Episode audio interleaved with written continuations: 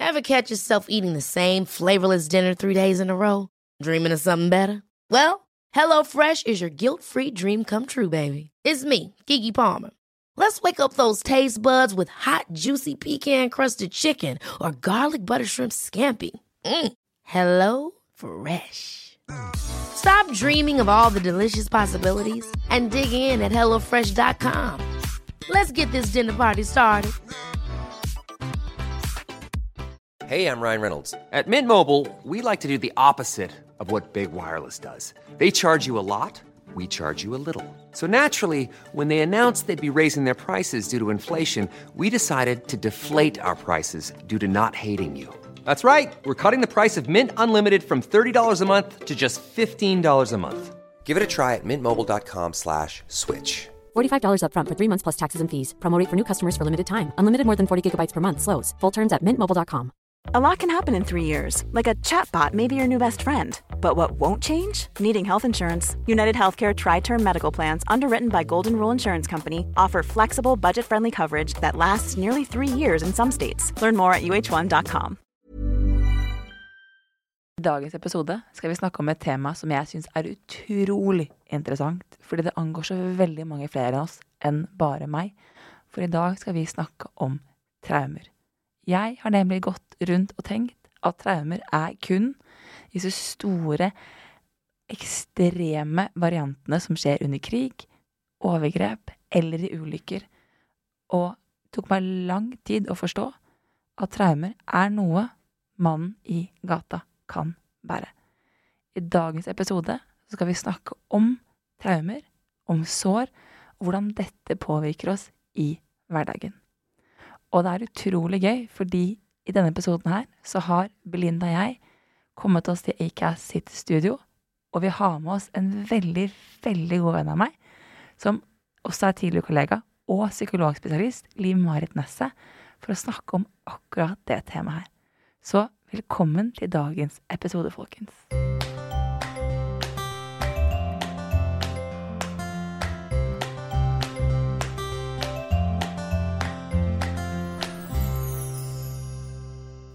Hvordan gjenkjenner man et traume, Isabel? For når du sier traume, så tenker jeg at dette her er ikke noe som angår meg. Jeg går ikke og bærer på noen traume.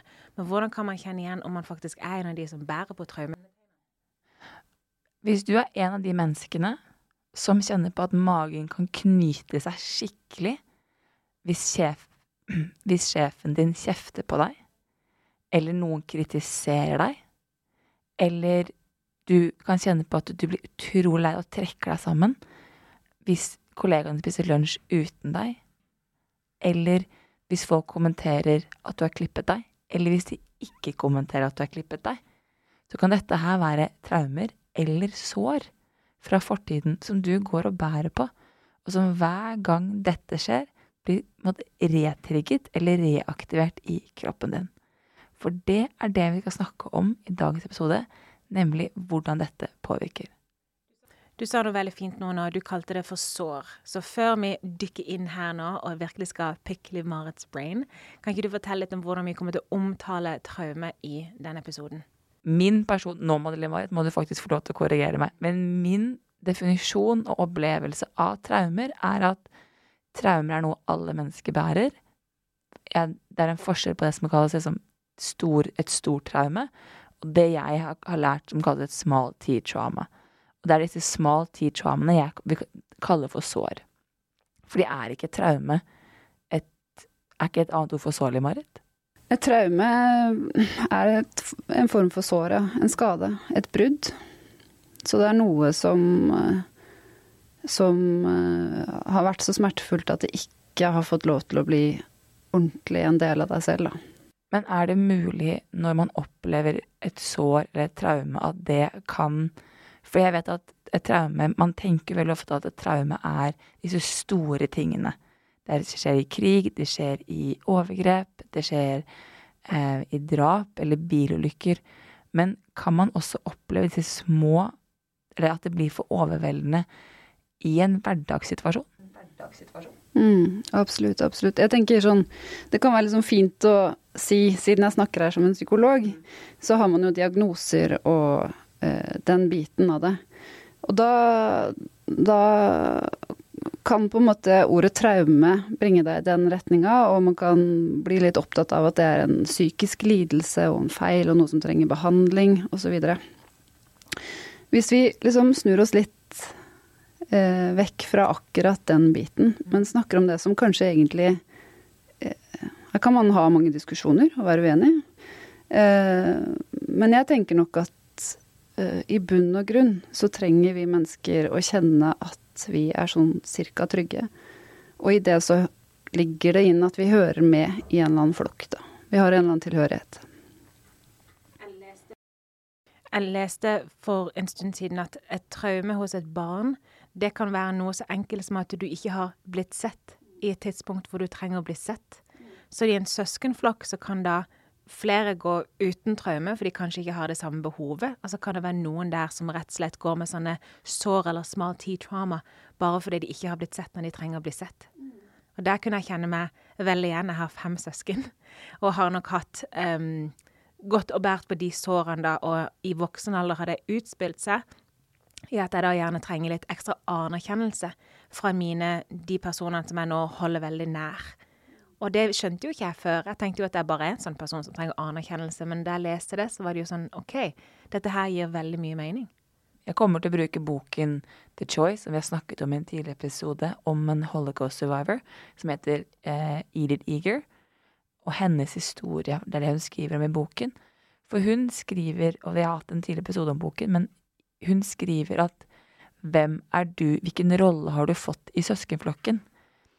For det er ganske interessant hvilken rolle som du har fått, Belinda, og hvilken du har tatt, og hvordan dette påvirker deg i oppveksten. For jeg tror oppriktig at din oppvekst kontra dine søskens vil være en veldig forskjellig opplevelse. Og dere vil bære med dere ulike sår, som vil påvirke dere i ulik grad. Og da er da jeg lurer på hvordan er det Hvordan vet man at man er et sår? For jeg tror oppriktig at vi mennesker, dette er min teori, er at vi mennesker går rundt som litt sånn vandrende sår. med veldig, veldig mange eh, opplevelser. Og så prøver vi å skape situasjoner hvor vi kan helbrede de. Eh, og det gjør vi litt sånn ubevisst, også litt fordi hjernen fungerer ikke med bra eller dårlig, rett eller galt, men med kjent eller ukjent.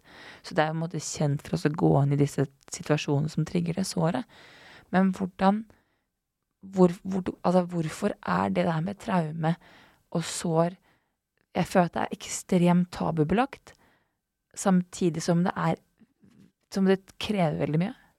For spørsmålet er jo ikke 'bærer du på et traume' eller ei. Spørsmålet er 'hvor mange bærer du på', og hvordan utspiller de seg.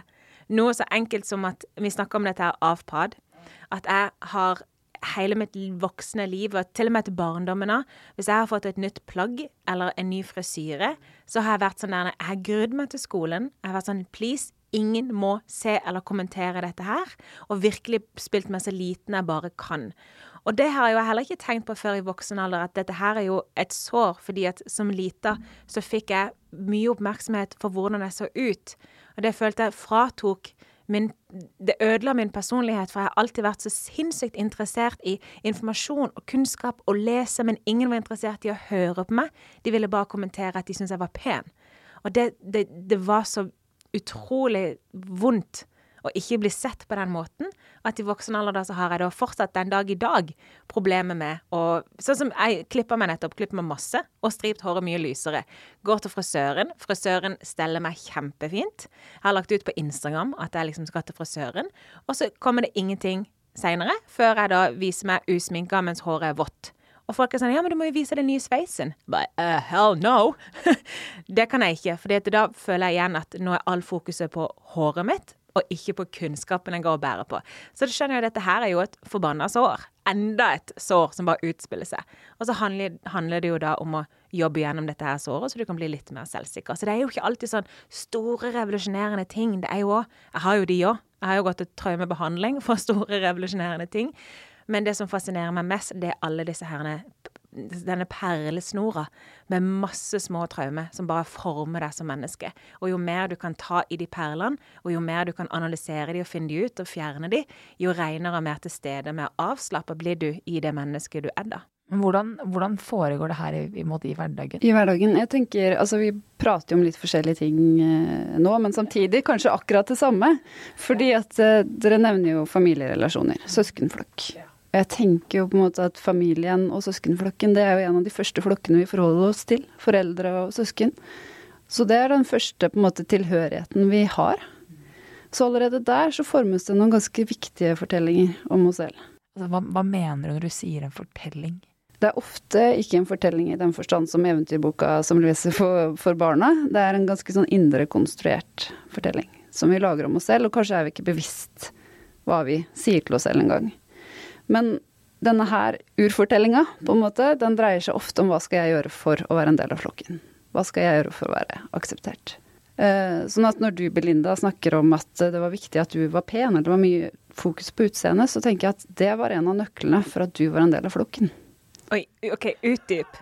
Jeg kjenner hele kroppen min reagerer, jeg har lyst til å begynne å gråte, aner ikke hvorfor.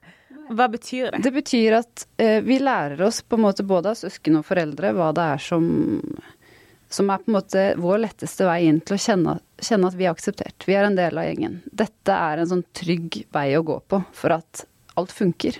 Um, og da lager vi en fortelling om at det er sånn jeg skal være. Men tror jeg, hvorfor tror du at jeg har kjempa så mye imot i så mange år? Jeg har hatt veldig var som sa til meg for noen år siden hos Abelina, du virker, virker som om du er livredd for å være vakker. Jeg gjorde liksom liksom slutta å stelle meg lenge og gjorde det jeg kunne for å ikke se pen ut, på en måte, hvis jeg gir noe mening. Jeg har ikke helt forstått hvor vanskelig det er. Det har tatt meg mye, det å, å, å komme inn i og akseptere liksom at OK, jeg er fin, og det er helt greit. Nå må du igjen korrigere meg hvis du skal bruke Belinda, da som sin fokus på utseendet. Tror du det da kan ha noe å gjøre med Vi har snakket før om speiling som barn, og det autentiske og det falske deg. Og at Belinda har vet så godt at du har en, en kunnskap og et indre ønske For det, altså, du er et av de mest kunnskapsrike menneskene jeg kjenner, og er ekstremt søken etter kunnskap. Og elsker jo kunnskap. Men at frykten for avvisning fra den første flokken da, har gjort at du, ditt falske deg, har blitt, har blitt den vakre, og så har du måttet kjempe så imot fordi det føles ikke ut som deg. At det er din indre altså At det har skjedd en, en slags indre konflikt der, da. For det er ok, skal jeg være en del av flokken, så må jeg være pen. Men det er ikke meg. Så det føles veldig sånn distansert ut. Nå bare Nå, nå Du ser helt sånn Det gir fullstendig mening. For det, det, det, gir fullstendig mening. Jeg tar på meg en maske når jeg skal inn og bare være til stede.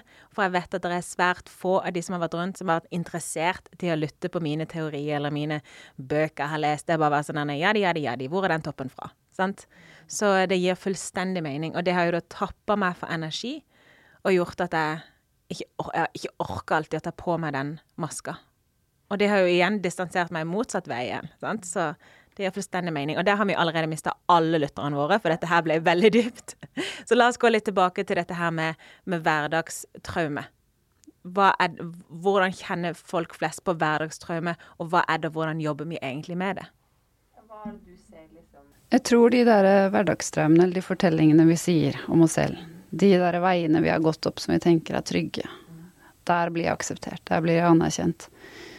Um, jeg tror at vi ikke alltid er så bevisste, men vi merker det. Vi merker det i kroppen når vi tråkker utafor. Eller vi er midt på den veien, men vi veit at det er så viktig å være på den veien på en bestemt måte, sånn at vi blir akseptert. Eh, sånn at jeg tror vi merker hverdagstraumene idet vi kjenner at pulsen stiger, og vi blir usikre på oss selv. Stresset øker rett og slett, for da er vi litt mindre trygge på at vi blir akseptert sånn som vi er. Så er det som at, hvis jeg nå forstår det riktig, er det som at hverdagstraume i seg selv er et ønske om å bli akseptert av den flokken du er i i dag? Hverdagstraume er vel når vi kjenner en trussel mot at vi blir akseptert. Eh, sånn som vi er, eller som en del av flokken. Men under der så ligger det en antakelse om at vi ønsker alltid å bli, eller være en del av flokken på en eller annen måte. Jeg er veldig fan av Brené Brown, og hun sier jo at det vi mennesker er her for, er jo for å søke vi søker tilhørighet. Vi er et flokk, altså vi er flokkdyr. Vi var ment å være sammen, så frykten for avvisning er jo noe av det vi er aller, aller, aller, aller mest redd for. Um, og det er jo noe av at vi egentlig ikke er ment til å drepe andre mennesker, men at for at man skal kunne gå i krig, så må man distansere seg fra man, Altså vi må Vi bruker ord, og vi bruker uttrykk for å distansere oss fra ulike grupper og nasjoner, slik at man kan gå til krig. Fordi egentlig så er vi så avhengig av tilhørighet for å overleve. Um, og man tenker veldig ofte at disse liksom veldig primitive behovene vi har, at de er vi, litt, vi er litt for intellektuelle for det i dag, da. Vi lever tross alt i 2022 um, med en teknologi som er veldig eh, i fremgang. Så mens hjernen og kroppen er det som at de henger innimellom litt igjen, og at vi ikke kan glemme det. Hvordan den, hvordan den frykten for avvisning sitter så ekstremt latent i kroppen. Ja, jeg tror det alltid sitter latent i kroppen. Vi er jo inne på et begrep vi ikke har prata så mye om, men skam. Åh, vår gode, kjære venn Skam kom inn. Deilig. Det er et ord vi kan, men det er veldig vanskelig å faktisk få et grep om skam, for skam sniker seg alltid unna. Og Skam tror jeg i bunn og grunn handler om eh, det som truer oss fra å være en del av eh, flokken. og kroppen, for så vidt. Jeg tror Brené Brown har helt rett i at vi alltid søker tilhørighet. Men å nærme oss den frykten vår for å ikke være en del av den flokken, det er allerede er vi inne i skam, skamtema. Ja. Eh, det er ganske ekkelt å innrømme hvor viktig det her er for oss. Og så kan man jo også, på en måte, når vi snakker om den tilhørigheten eh, Nå snakket vi om en menneskeflokk, men jeg tror nok at uh, ur, urflokken vår er familien vi vokser opp i. Men senere kan vi jo søke tilhørighet ganske mange steder. Du snakket om det moderne mennesket. Vi kan ha det i et samfunn som ikke er fysisk til stede. Vi kan ha det i et nettsamfunn. Uh, vi kan ha det i forhold til religion. En tro, en gud. Vi kan ha det til naturen, til en mer åndelig overbevisning.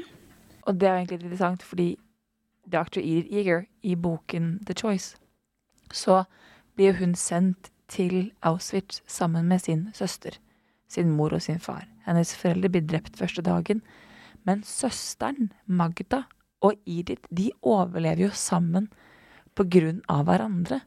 De kunne jo løpt, altså de kunne jo stukket av flere episoder i boken hvor de kunne løpt unna. Hver for seg. Men de gikk alltid tilbake til hverandre, ja. Mm. De gikk alltid tilbake til hverandre for å redde hverandre. Og det er de to som gjør at de overlever, da. Den, for det ble hennes flokk. Det ble hennes tilhørighet. Det var som at fangene sammen de hjalp hverandre, da. Det, var, det ble deres flokk i fengsel. Eh, det var ikke fengsel, det var en konsentrasjonsleir. Men, men at det, det ble en måte der de søkte trygghet.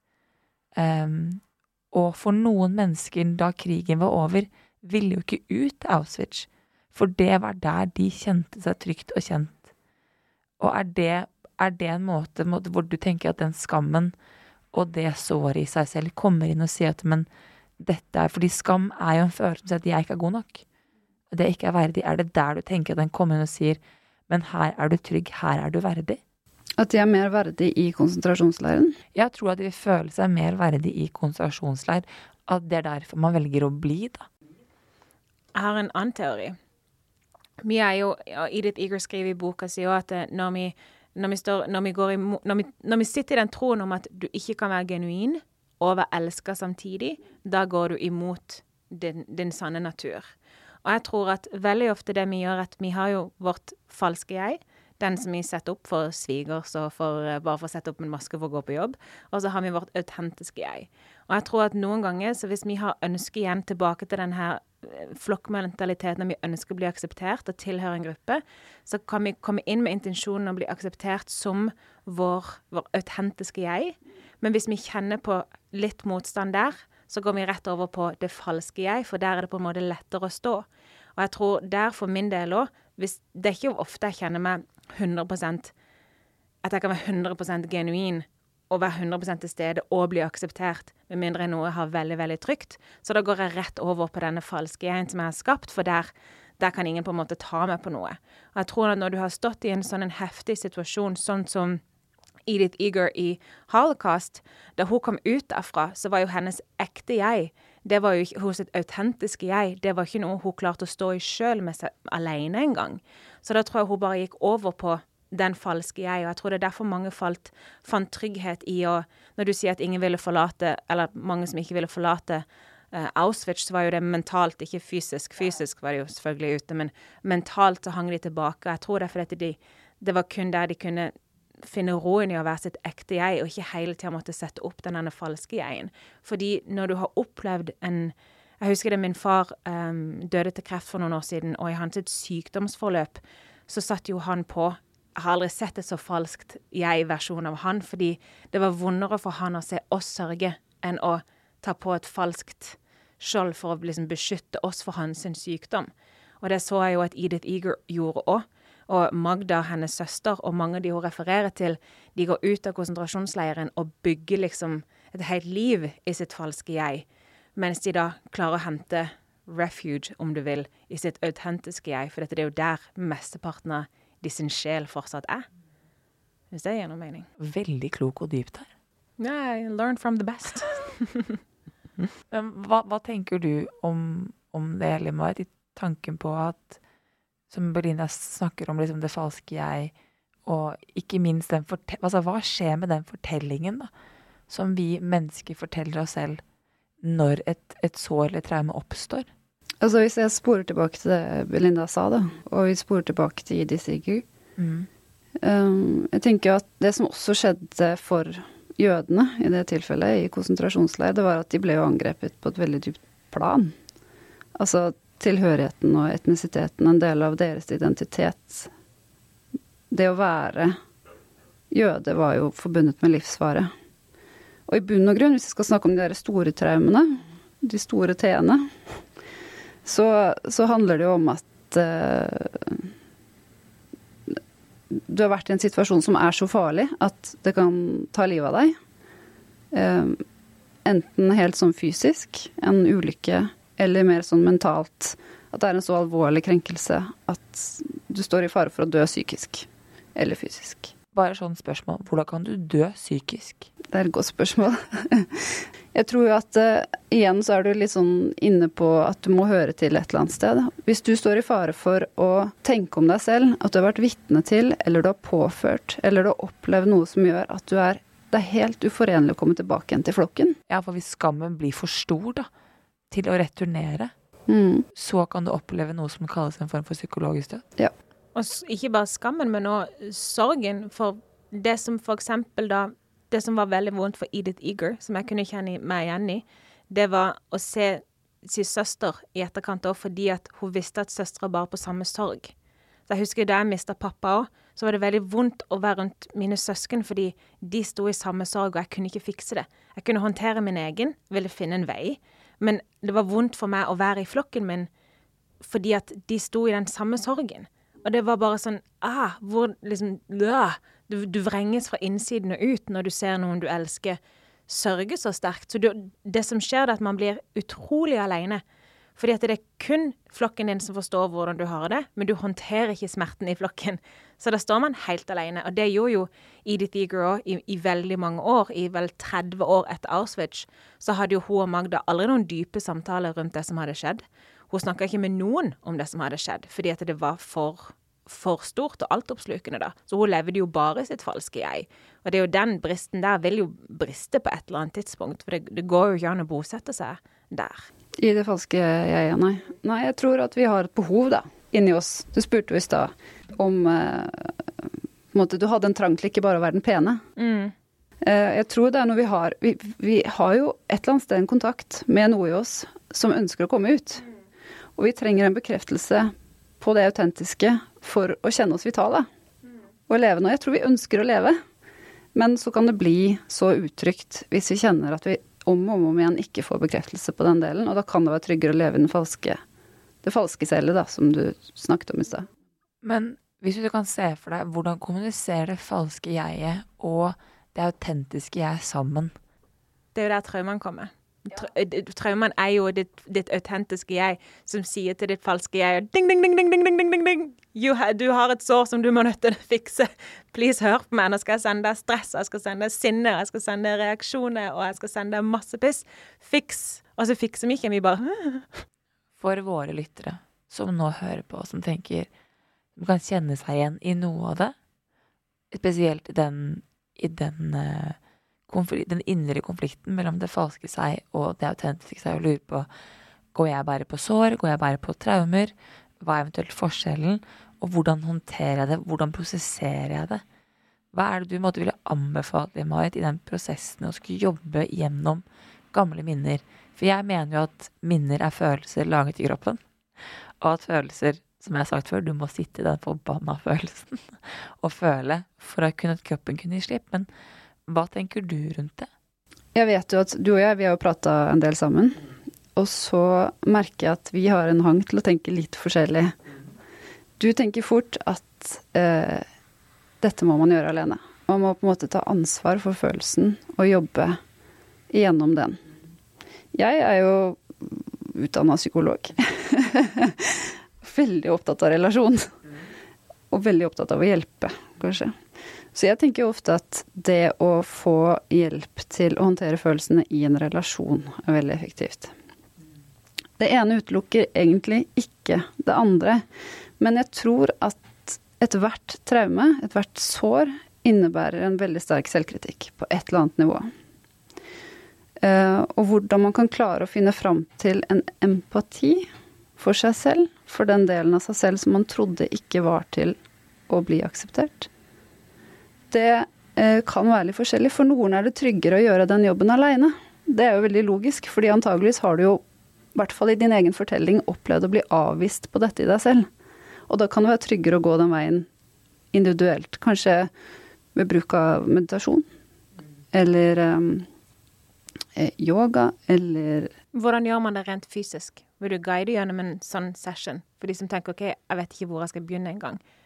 For jeg husker første gang Isabel skulle lære meg at jeg kunne hente fram og sitte i en følelse. Jeg bare Hva i all verden er det du snakker om? Jeg skjønte ikke at du kunne Jeg skjønte ingenting. Så kan ikke du guide oss gjennom hvordan man skal gjøre hvis man skal gjøre det alene, da? Det kommer an på traume du har hatt. En del som har opplevd f.eks. overgrep, vil ha veldig problemer med en del meditasjoner som går inn i kroppen. Du vil bli overveldet bare du kommer i kontakt med kroppen din. Eh, sånn at eh, for dem så vil jeg ikke uten videre anbefale å gjøre kroppsmeditasjoner. Jeg vil fokusere på andre ting enn kroppen din, men poenget er at du øver på å være til stede i deg selv på en måte som ikke er for overveldende, ikke for farlig, og som innebærer stikkordet aksept på en eller annen måte. En av våre tidligere kollegaer, Geir, han sa jo til meg at han, også en av de jeg bruker som mine mentorer, sier jo at det er visse menneskers indre fortellinger du ikke skal tulle med. For de har, de har brukt sitt falske jeg for å måtte holde seg i live. For å kunne klare å fungere. Og de trenger nok en relasjon for å kunne håndtere traumet sitt. Kontra og måtte den fortiden og historien de går og bærer på. Mens andre ikke gjør det. Men jeg, så det du sier om at de som har over, for opplevd overgrep, de har veldig har behov for at den, den fysiske, kroppslige følelsen selv kan være ganske vanskelig å skulle gå inn alene. Dr. Inger Iger bruker jo Hun har jo ikke hatt et overgrep på den måten, men hun bruker jo psykologen sin, blant annet, for å kunne klare å få tilgang på noe av det, fordi hun klarer ikke å få tilgang på det selv. Og jeg tenker jo at det å skulle Og det er tror jeg som alle vi tre i det rommet her kan jeg si oss enig at det å ha samtaler om ting, det å få lov til å ha en sparringspartner, eller en, som du sier, relasjon, da, for jeg tenker jo at ja, du skal jeg må selv føle den følelsen, jeg må selv sitte i den følelsen. Men det for meg å kunne ha få hjelp til å få et annet perspektiv, og en annen forståelse og en annen forklaring Og du har hjulpet meg veldig mine, med mine relasjonelle traumer Um, på å kunne skifte perspektiv, så jeg kan oppleve en større grad av aksept i meg selv. Ja, jeg, jeg, kjenner meg igjen i mye av det du sier. For min del, jeg gikk til traumebehandling for seks år siden fordi min far døde, og jeg takla måten han døde på, veldig dårlig. Han, det at han døde, var jo en sorg uh, traume nok i seg sjøl, men han hadde kreft, og det som skjedde, var at lungene fyltes med vann.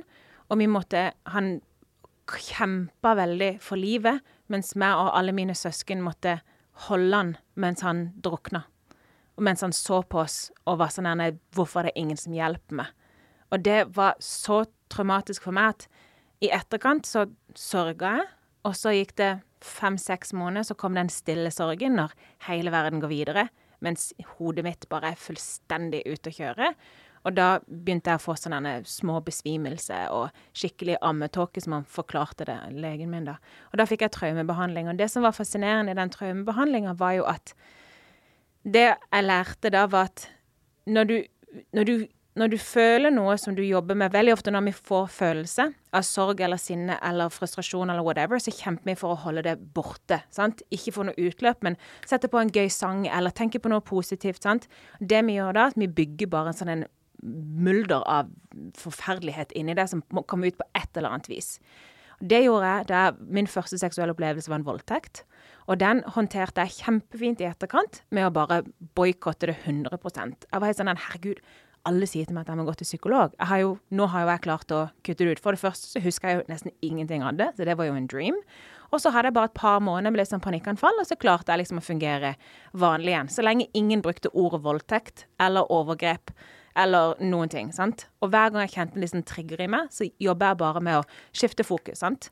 Så det som skjedde når, da jeg gikk til um, traumebehandling for min far, var jo at da kom jo voldtekten opp i tillegg. Og det var jo òg veldig fascinerende for meg, for den had, trodde jo jeg at jeg var fullstendig ferdig med. Så det var jo også, Og det forklarte jo at du, du har jo ikke bearbeidet den første, han ligger der fortsatt. Du må gjennom det. Og da vi da endelig For der trengte jo jeg Der trengte jeg noen som skulle holde mine følelser. For jeg trodde 100 at dersom jeg skal gå inn og gjenoppleve dette, og føle følelsene og få følelsene ut, så vil jeg dø. Min kropp vil bare kortslutte. Jeg kan ikke overleve det.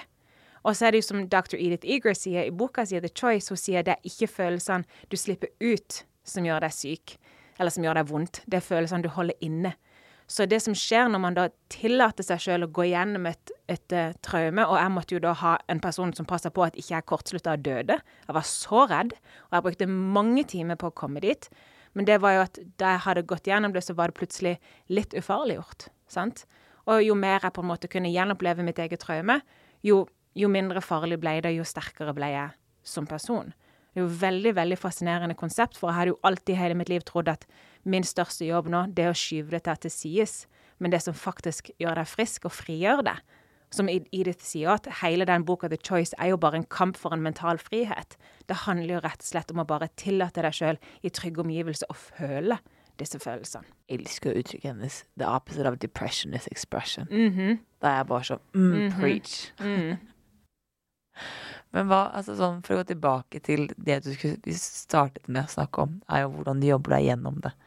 For du sa at du tenker at det, kunne, at det å jobbe seg gjennom en relasjon, da, at det, at det kan være veldig trygt for folk. Det var det jeg sa, at man kan jobbe individuelt med det, eller man kan jobbe sammen med en person.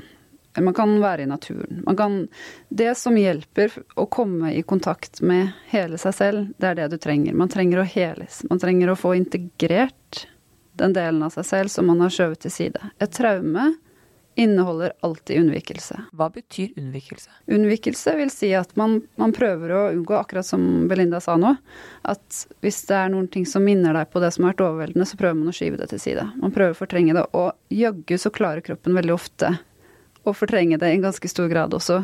Eh, glemme totalt det som har skjedd. Jeg pleier å si at hodet glemmer, eller kroppen husker det hodet vil glemme. Fordi at uansett som sier at du kan unnvike lenge nok, men plutselig så er det med den følelsen i minnet begynner å måtte piple frem igjen. Og sånn, det banker litt på døren, og så blir det sterkere og sterkere og sterkere og sterkere og sterkere. Og sterkere. Og hvis hodet fortsatt glemmer da, så blir det utrolig overveldende. Fordi du skjønner jo ikke hvor reaksjonen din kommer fra. Og det opplever jeg at veldig mange jeg snakker med, de, de, de anklager seg selv enda verre, for de syns de opp, oppfører seg så irrasjonelt. Fordi at de, de, det, det, som de i virkeligheten gjennomgår, det er at de har blitt trigga, kroppen reagerer, og så oppfører de seg på en måte som de ikke skjønner hvorfor de gjør. Noe som ikke står i stil til situasjonen her og nå, da. Ja, for det er jo en av våre favorittforfattere, Robin Sharma, sier jo så genialt hvis det er hysterisk, så er det historisk. Ja. Fordi at hvis du har en hysterisk reaksjon til en liten ting, så er det jo noe du går og bærer på. Absolutt. Og det er jo litt sånn jeg tenker på at et sår er, at, at, at en trigger er at hvis du plutselig står der, da, eh, og så får du kjeft av sjefen din, eh, og så bare har du tidenes meltdown på do. Um, og det sjefen egentlig sa, var bare det at uh, veldig fint å bare gjøre om det her, eller en liten form for å korrigere, men du gikk nedenom og hjem. Eller du ikke fikk den, den jobben du søkte på, og du går nedenom og hjem og har en sånn superreaksjon på det. Da tenker jeg at ok, her er det et eller annet historisk da, som ligger bak og på en måte forsøker å få oppmerksomheten din. Vi bruker jo dette her som en guide, og det er nesten litt sånn gøy når vi kjenner at vi kjenner på negative eller ubehagelige følelser. For vi bare OK, la oss se. La oss trace this back. Jeg hadde en opplevelse i sommer hvor jeg ble litt sånn småsåra av ei venninne, og ringte til Isabel bare for å bitche. sant? Og Isabel bare 'Hva er det denne historien prøver å fortelle deg, Belinda?' Og jeg tenker bare, vet du hva, dette orker jeg ikke. Jeg jeg har bare hatt ei trashy venninne. Det er ikke verre enn det. sant? Men det gikk jo rett inn på liksom en sånn massiv opplevelse av uverdighet, og masse jeg skulle lære. sant? Så det vi gjør nå, er egentlig at hver gang vi kjenner på en eller annen trigger, så tenker vi hvis det er hysterisk, så er det historisk. Nå skal jeg trace back og finne ut av hvor dette kom fra. Så skal jeg fikse den følelsen. Så kommer den ut liksom som en denne blomstereng. Nå skal jeg bare si en liten ting. Det er eh, noen ting noen, noen er, noe, altså, Se for deg Det er sånn Nå må du korrigere meg litt, Marit, men jeg ser for meg at du har altså, Når vi snakker om traumer, så, så ser jeg for meg at du har disse små skrubbsårene. Og de er lett å ta alene. De er liksom sånn Det får du til. Og så har du liksom de litt større sårene hvor det henger plaster. Det kan også kanskje liksom Og så har du liksom de der store som du henger og sy sånn 14 000 sting og liksom lappe over. Og det er vel kanskje disse liksom litt store tingene, og ikke minst vel lære seg hvordan du skal håndtere sår, da. Fordi det er noen ting som jeg kjenner med meg selv, hvor det er lettere for meg å jobbe gjennom enn andre. Noen sår trigger mye dypere, da. Og veldig ofte så er de sårene hos meg som går dypest, de er veldig ofte fra barndommen. Fra den som du snakket om, den første flokken, det første behovet for tilhørighet. Og den frykten for at hva om jeg ikke passer inn? Hva om jeg Og da tenker jeg på å si at hva om det er noe galt med meg? Hva om det er meg det er noe galt med? Ja, og det, og det er jo problemet med de traumene som oppstår i barndom og ungdom. Det er at uh, man da har tenkt fra et barnesinn. Og et barnesinn er veldig egosentrert. Man tenker ut fra seg selv. Hvis noe går dårlig, så er det på grunn av seg selv. Man klarer ikke å se situasjonen til omgivelsene ut fra det perspektivet, så man tar det alltid på seg selv. Tenker det er noe galt med meg. Og jeg tenker at det dere sier med at en Hva var det dere sa? Når det er hys hys hysterisk, så er det historisk. Ja. Det er jo helt, helt nydelig, og det er en helt, helt nydelig innstilling å tenke sånn når man opplever det, at shit, det er en overreaksjon. Man kan jo enten gå i forsvar nei, det var ikke en overreaksjon, det var mange grunner til at jeg reagerte så sterkt. Eller du kan klage på deg selv. Det gjør veldig mange. Mange tror jeg gjør det, at de kjenner at sånn åh, man føler seg så dum, man føler seg så utilstrekkelig, man føler seg så feil, og så tilfører man smerte til smerten. Man skyver seg enda lenger unna fellesskapet eh, på mange måter, da. Trekker seg inn i seg selv. Skam, isolasjon. Hvis man i stedet tenker sånn som dere sa, at sånn oi, nysgjerrighet, hva var det her for noe? En overreaksjon, det har en historie. En mulighet til å gå tilbake og se det her på en ny måte. Med empati, med forståelse. Fordi alt har en grunn. Jeg liker å si at alle følelser har hatt en funksjon. Og at alle følelser kommer med en beskjed til deg. Og vi tenker jo veldig ofte at ja, men den selvkritikeren kommer jo ikke med en beskjed. Den bare er der for å skape dritt. Men som du sier, det er jo Jeg tenker at det er en form for vokter i seg selv, fordi at hvis du har en trigger en Som sier at du blir reaktivert, eh, og så begynner du å klage på deg selv, så er jo da selvkritikeren din en måte for å si at ok, slapp av, folkens. Slapp helt av, jeg er her. Nå skal jeg passe på at du ikke går inn i det såret. Så skal jeg bare hakke deg så langt ned som overhodet mulig, slik at du er trygg her du er. For det som skjer når du, når du får et sånn et sår eller en traume eller selvkritikk eller negative tanker, og når du da det er liksom det er kroppen sin måte å si 'hei, jeg kan fikse noe for deg'. Hvis du bare lytter nå, tar dette her seriøst, så trenger du faktisk ikke stå i denne situasjonen igjen. Men fordi om det vi er veldig stolt over måten vi har lært å jobbe med oss sjøl, men for min del så tar det litt tid. Så i sommer, da jeg opplevde dette her, så gikk jeg jo ringte Isabel ganske kjapt. Hun ba meg tenke på hva jeg prøver å lære dette her. Jeg tenkte fuck you. Og så gikk jeg inn i en uke med skam og isolering.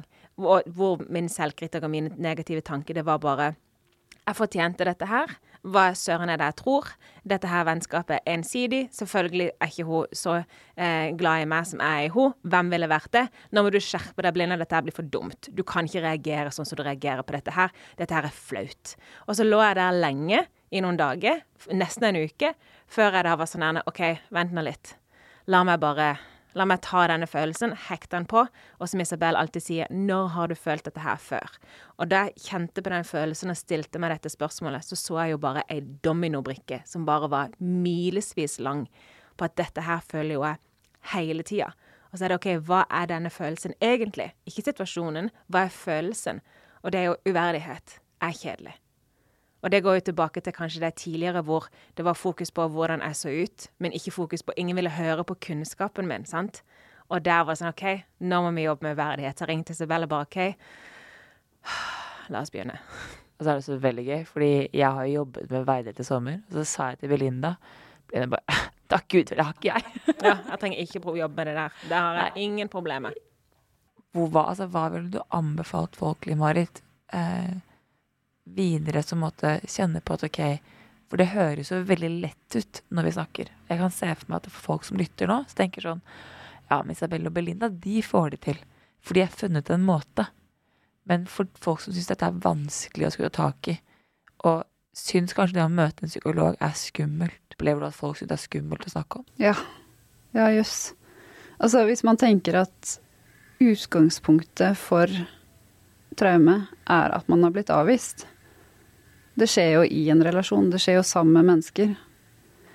Og så skal du oppsøke et menneske og dele det som du ikke engang har taket på, kanskje, ordentlig, men i hvert fall som vekker akkurat det ubehaget, frykten for å bli avvist. Så skal du dele det med et menneske hvor du risikerer å bli avvist igjen. Det er jo ganske Det er ganske heftig.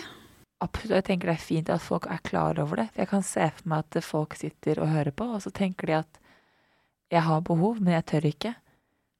Og det å si at det er helt greit. Det er helt Det er frykten din for avvisning som kommer inn. Og det er også noe med å gi seg selv empati for det, og si at det er ok. Når tiden er inne, så, så vil du kunne finne den styrken til å gjøre det. Det går jo tilbake på sikkert mange år med, som vi har snakket om tidligere, med dette med speiling. sant? Hvis du har blitt speila feil, og så skal du da gå til en vilt fremmed person og fortelle hva du føler Altså Det kan være så mye som et blikk som er nok til å tenke OK, jeg skal bare shut up. Jeg går ikke der igjen. Det er jo mye, det er mye lettere å bare ha det greit.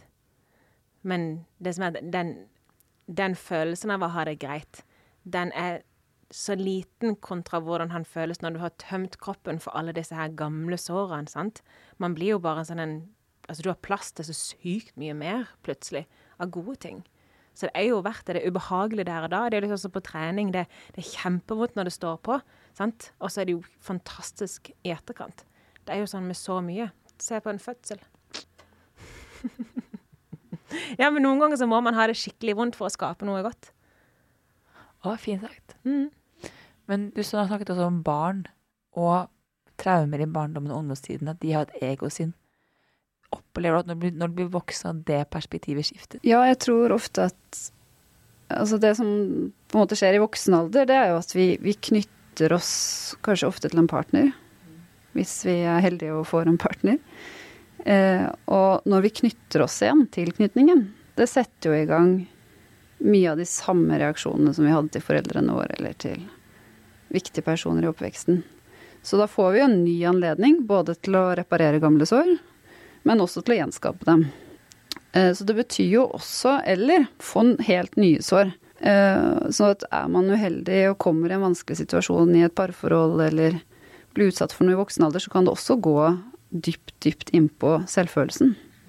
Men da har man, hvis man har hatt en sånn noenlunde bare så det er sagt, ingen har en perfekt oppvekst. Men hvis man har hatt en noenlunde Å, kan vi bare si det en gang til? At ingen har hatt en perfekt oppvekst. Det er bare sånn for alle der ute. Det er helt greit. Det fins ikke noe som heter en perfekt oppvekst. Jeg liker jo å si at alle foreldre fucker opp kidsene sine bitte litt.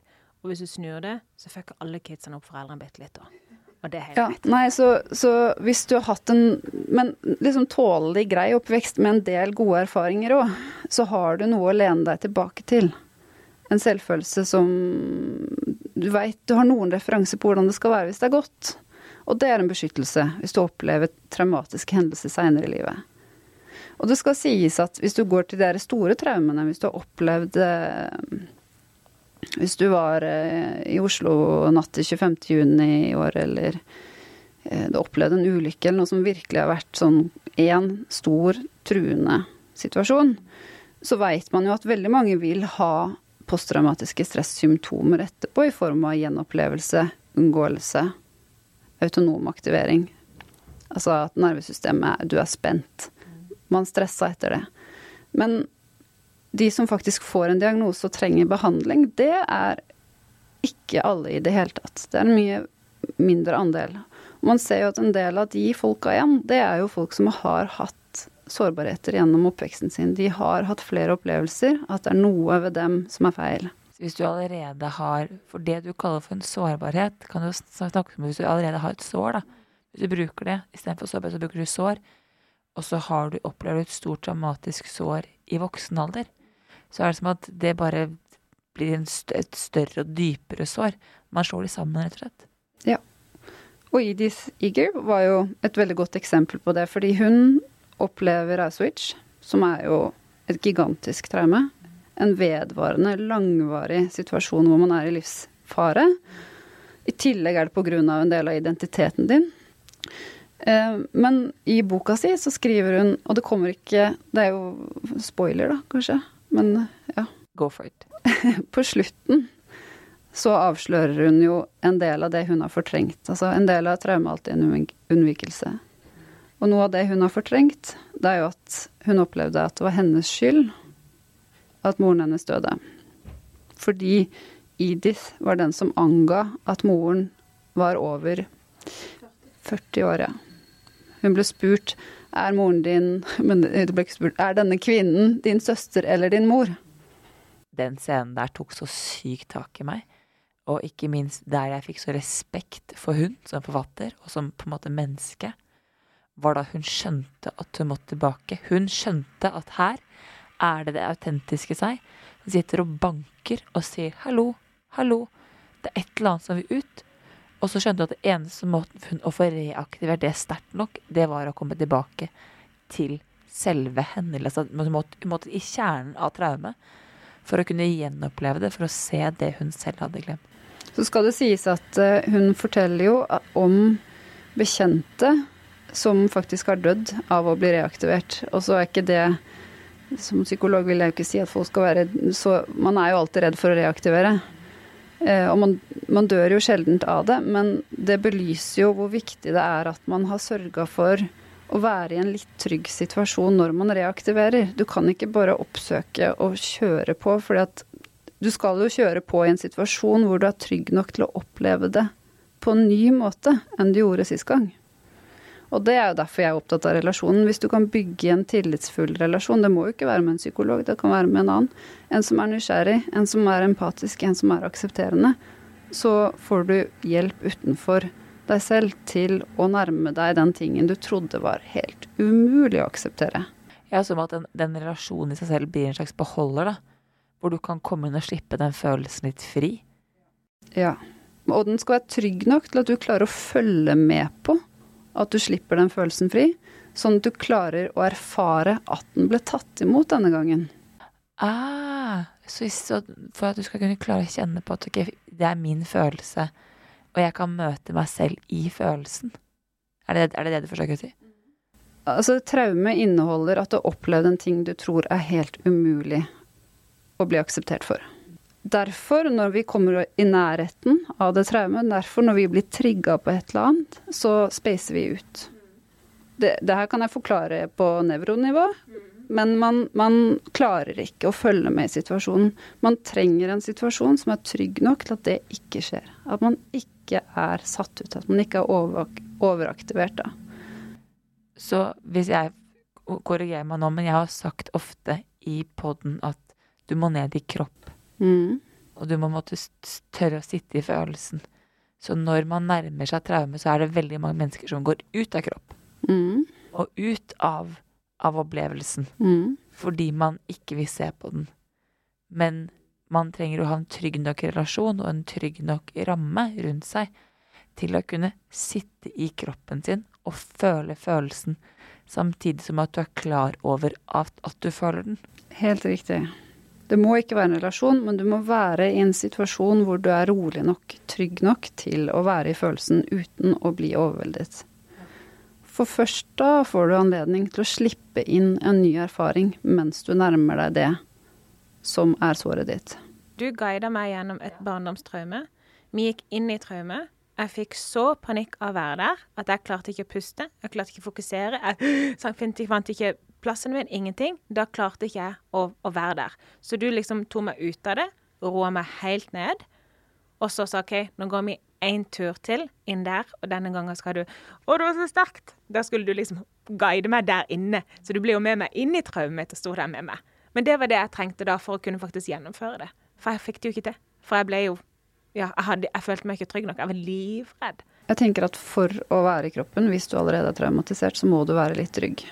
Hvordan man får den tryggheten kan være forskjellig, men klarer du å være i følelsen samtidig som du er klar over den, så har du allerede gitt muligheten for å erfare det på en ny måte. Men veldig, veldig mange som er traumatisert eller har sår, vil ikke komme dit av seg selv. De vil ikke klare å være i følelsen og være klar over det på samme tid. De vil være reaktivert, de vil ikke være tilgjengelig for en ny erfaring. Men tenker du at da, for de som nå sitter og hører på, at kan du, er det sånn at du Jeg mener at du kan trene på å føle. Jeg mener at det å For veldig mange mennesker ja, men jeg føler jo ikke. Det er sånn, nei, men husk på at hvis du skal skru opp Hvis du har følt ingenting, så vil ikke du skulle føle alt nå. Du må føle litt og litt og litt og litt. Du må trene kroppen din til å håndtere og føle i ulike grad, da. Og jo mer du tør å føle, jo mer du har trent opp kroppen din til å føle, jo mer vil du også kunne klare å ta opp og få løsnet opp i. Helt riktig. Trening hjelper, og måten å skaffe seg den tryggheten man trenger for å føle, det kan være litt forskjellig, men la oss si at det er at du har en guide, da. At eh, Isabel, du, eh, du var der for Belinda. Det gjorde deg litt tryggere at Isabel var til stede. Det ga deg en å holde fast i. Eller det kan være at eh, du har skikkelig tillit til en du hører på på, eh, på en eh, Hva heter det for noe? Meditasjon eller podkast eller ja. Mm. meditasjon eller podkast. Eller det kan være at du er i et rom hvor du kjenner deg utrolig avslappa og trygg. Du må skaffe deg de omstendighetene som gjør at du har noe å holde fast i hvis du blir overvelda. Og så kan du begynne å kjenne i de dosene du klarer av gangen. Og da kan du øve opp og tåle mer. Som psykolog så er jeg opptatt av at jeg hjelper til med å oppdage når en person blir overvelda. At jeg ser at nå blir det for mye, nå må vi stoppe opp. Det hjelper ingen å gå inn i traumene om igjen på samme måte som da de ble overveldet første gang, og bare oppleve det samme en gang til. De må oppleve det en gang til i en setting hvor det er trygg nok til å slippe inn lys i rommet, sånn som du sa. For det som jeg opplever er at da jeg gjorde det traumet i sommer, så første gang jeg på en måte gikk inn i traume, så, så var jeg i traume. Andre ganger så observerte jeg det. Og det var lettere å observere det, så ufarliggjorde jeg det. Men da jeg var i det, så gjorde det bare så vondt at jeg klarte ikke å fungere. Så det, det er vel egentlig ja, man skal observere det uten å trenge å Det er jo selvfølgelig vondt fortsatt, men på en litt annen måte. Ja. Eller kanskje en sånn kombinasjon av observasjon og å være i det. Sånn at du både får kontakten med følelsene samtidig som du observerer det. Det er det optimale, da. Det gir veldig mye mening. Edith uh, Eager hun skriver jo òg om en mm, interessant form for meditasjon. fordi det var jo det mer Isabel gjorde i sommer, før vi hadde lest boka. Så guida hun meg tilbake til hvor en følelse starta, da. Og så skulle jeg da gå ut av den situasjonen fysisk. Mens hun da skulle Dette her høres jo helt speisa ut. Vi skulle liksom lage en, en vei for den følelsen og forlate eh, kroppen min, og da måtte vi fysisk gå ut av en, en plass. Sant? Og det gjorde vi, og det føltes utrolig befriende. Og så leser jeg jo Edith Eager hun skriver om det samme med en, en av klientene hun hadde hatt, men der måtte hun jo faktisk gå tilgi alle menneskene som var der. Og det er òg veldig fascinerende at du går inn og så gjenopplever du ditt eget traume, eller observerer det, eller begge deler, og liksom jobber med din egen, men så skal du òg egentlig ta alle menneskene som var involvert, og tilgi dem. Og det syns jeg òg var veldig sterkt, for det, det har jo ikke jeg gjort. Jeg har jo bare tatt meg sjøl ut av en situasjon. Jeg har jo ikke gått inn og tilgitt de menneskene. Som jeg har jo ikke tatt noe sånn radical forgiveness der. Det tenker jeg er steg to. Jeg tenker også det er steg to. Tenk det sånn Pro Max XXX.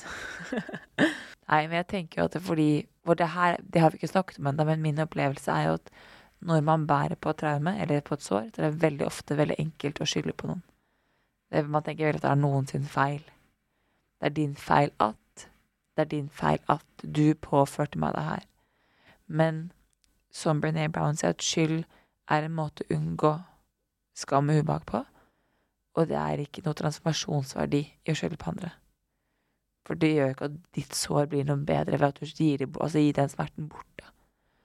Og det er det som er kanskje boken hvor jeg får mest respekt av Irid for, er jo når hun faktisk velger å jobbe med å tilgi og ta tilbake kraften sin for det, de sårene hun bærer, til tross for det hun har opplevd. Da. For hun sier at ok, det har skjedd meg, ja, men jeg har et valg. Hun, er, hun, er, hun, hun repeterer det hele tiden. Det er derfor boken heter The Choice, valget. Jeg har et valg hele tiden. Jeg kan velge hvordan jeg velger å håndtere det. Jeg får ikke gjort noe med hva som har skjedd før, eller hva som skjedde, men jeg får med hvordan jeg håndterer det. Og det er der jeg får respekt for henne. Det er der hun inspirerer meg til å fortsette å gjøre egen jobb. Til å lære å føle litt mer og tåle litt mer, så jeg kan være enda mer meg selv. Det er en veldig fin avslutningsvis på denne poden nå. Fordi at vi har alle sammen det ene valget. Og som Isabel sier, som jeg føler vi aldri kan repetere nok, du er ikke ansvarlig for det som skjedde med deg, men du er faktisk ansvarlig for hva du gjør herfra. Så istedenfor å stille spørsmålet 'why me', hvorfor skjedde dette med meg, så kan du heller stille spørsmålet 'now what'? OK, hvordan skal jeg håndtere dette her? Og komme meg ut av dette her og komme litt nærmere mitt autentiske jeg. Og så vil jeg bare si at for deg som lytter, og som kjenner på at du har lyst til å jobbe med et traume, sjekk ut Liv Marit Nesse. Og det som er så fint, er at mange tenker kanskje at ja, men psykolog er noe man går til når man liksom skal fikse noe som er ødelagt. Men psykolog er noe som alle burde gå til, uansett hva. For igjen, det handler ikke om hvor store traumer, hvor mange, om du har traume eller ikke. Det handler om hvor mange du har, og hvordan du kan bli kjent med dem, og plukke dem fra hverandre. Og komme litt Rett og slett Vi vil jo bare ha det litt bedre, alle vi. Og når man jobber med sånne ting, så får man jo bare rett og slett man får det bare bedre. Så takk for at du ville komme, Limari. Takk for meg. Og så snakkes vi, folkens. Ha det. Ever catch yourself eating the same flavorless dinner three days in a row? Dreaming of something better? Well, HelloFresh is your guilt-free dream come true, baby. It's me, Kiki Palmer.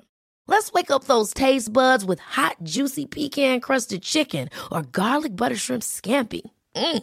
Hello Fresh. Stop dreaming of all the delicious possibilities and dig in at HelloFresh.com. Let's get this dinner party started. Imagine the softest sheets you've ever felt. Now imagine them getting even softer over time. That's what you'll feel with Bowl and Branch's organic cotton sheets. In a recent customer survey, 96% replied that Bowl and Branch sheets get softer with every wash. Start getting your best night's sleep in these sheets that get softer and softer for years to come. Try their sheets with a 30-night guarantee. Plus, get 15% off your first order at bowlandbranch.com. Code BUTTERY. Exclusions apply. See site for details. ACAST powers the world's best podcasts. Here's a show that we recommend. The Real Housewives is a guilty pleasure for most, but if you're looking to not feel guilty about that pleasure, tune in to Everything Iconic with me, Danny Pellegrino, where I break down all the messy moments and behind the scenes antics of Bravo's popular franchise. And on Everything Iconic, I also interview celebrity guests like Kelly Ripa, Kiki Palmer, Drew Barrymore, Cameron Diaz, and more about their guilty pleasures, their past work, and so much more. So if you're pop culture obsessed and find yourself watching way too much reality TV like me, tune in to Everything Iconic with Danny Pellegrino wherever you listen to podcasts. ACAST helps creators launch, grow, and monetize their podcasts everywhere. ACAST.com.